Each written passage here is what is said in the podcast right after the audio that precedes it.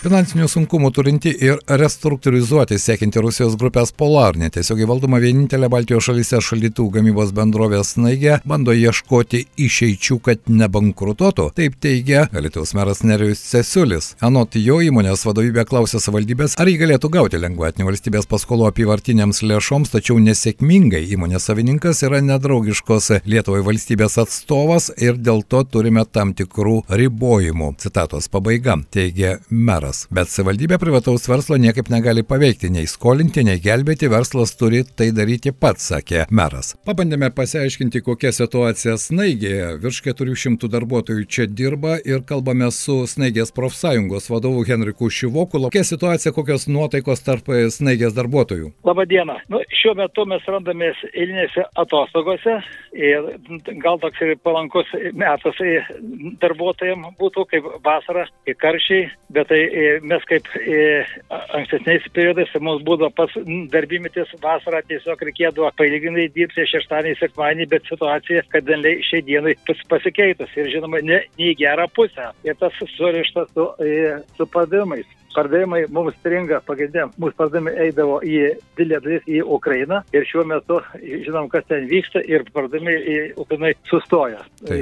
Tuo, tuo pačiu ir turim problemų su žaliavų aprūpinimu. Tai šių, šių dienų tokios atostogos ir šiek tiek bus priversti staptelėti. Bet tai čia į, į laiko, laiko klausimas, bet aš manyčiau į tokį, į pirmykštį lygį, snaigį vargu, ar mes, mes grįšim, kadangi ir, ir pardavimai mažėja, situacija Europoje kit, kit, kitokia ir, ir kainos kyla, mes, mes, mes su savo produktai nelabai galim konkuruoti. Taip. Jo, taip padėtis yra, yra sunkokia, bet bandom versis iš padėties einam link restruktūrizacijos, bandysim gaminti tik tuos šlaitus, kurie reikalingi daugiau nu, pramoniai, medicinai. O būtinių šlaitų žinom, kad rinka pas mus yra per, perpildyta ir konkuruoti mūsų didžiaisiais šlaitų gamintojais yra gana, gana sunku. Jie ir žalvės gauna pigiau ir, ir, ir jau aukštesnį lygį galbūt pasiekia, tai kas mums jau reikia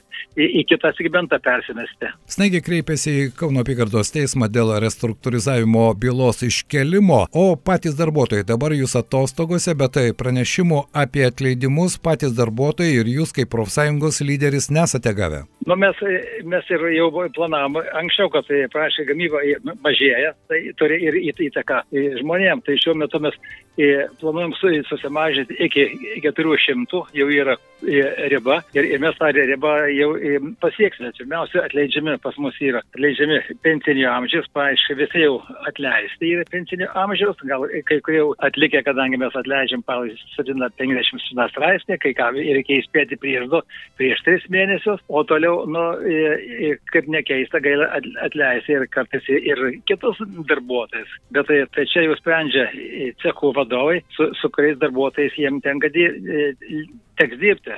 Pasilieka dažniausiai, kurie moka kelias operacijas. Būna, kad išdybė ir virš 20 metų tenka atsisveikinti, bet tai žinot, žiūro, kad jiems gali, kad lieki pensijos būti likę 2 metai mažiau atsižvelgia į tai. Bet tai problemų yra, jos jos sprendžiamos.